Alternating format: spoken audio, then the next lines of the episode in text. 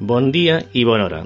Us donem la benvinguda a La Píndola, l'espai que el Club Diògenes dedica als jocs de taula i al seu ús com a eina educativa.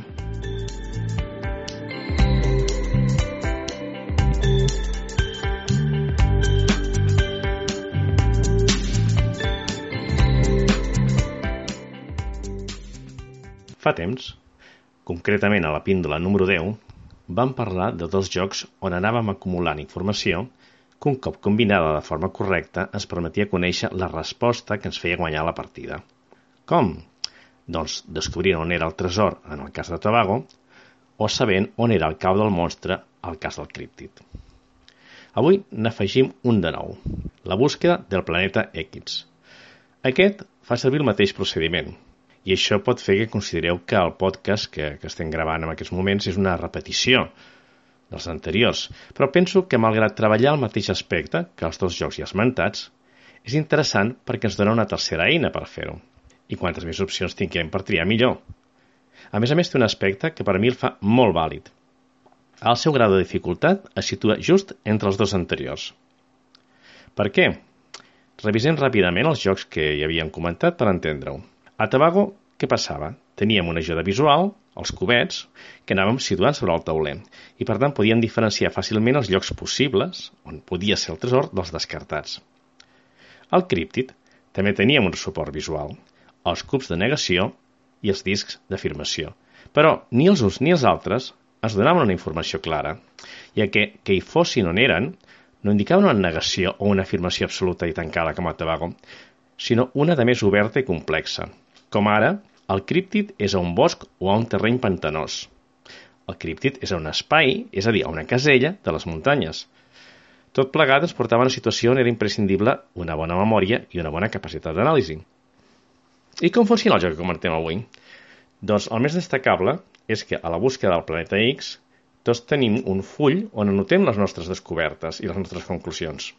Per tant, el procediment de resolució és el que més s'assembla a la manera habitual d'encarar enigmes i problemes d'aquest tipus. Però entrem en els detalls concrets del joc per tal que pugueu valorar-lo per vosaltres mateixos. Comentem primer el taule principal. Tenim un cercle que representa el fragment de sistema solar a estudiar. És un espai que està poblat per diferents tipus d'astres o materials.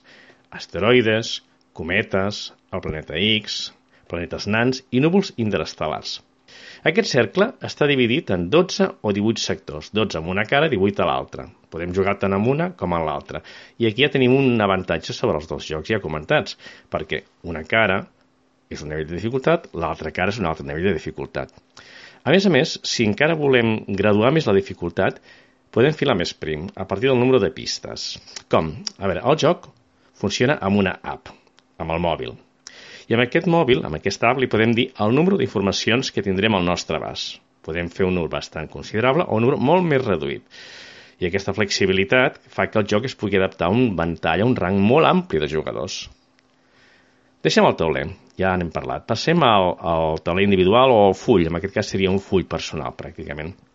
Amb aquest hi tenim més informacions. Quines? Doncs, per exemple, el número de cossos que hi ha tot l'espai que estudiarem. Quins són?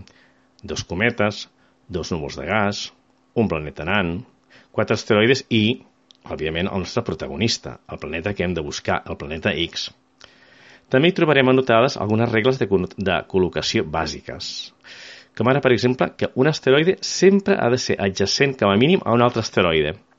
Per tant, amb això, ja podem deduir d'entrada que aquesta mena de coses poden presentar a forma de dues parelles o bé un grup de quatre, no? i és una ajuda. Més informacions que podem trobar? Doncs que els planetes nans mai poden ser al costat del planeta X, o que els núvols de gas sempre han de ser adjacents a com a mínim un espai buit.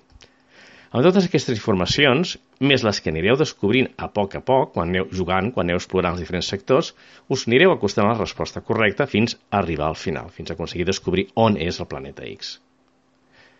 La búsqueda del planeta X, un joc editat per Maldito Games i que podeu trobar per un preu que oscil·larà entre 34 i 40 euros i que us permetrà descobrir la vostra capacitat lògica.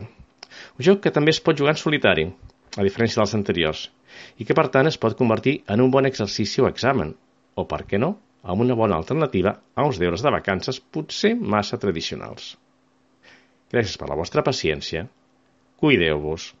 Jugueu força i fins la propera píndola.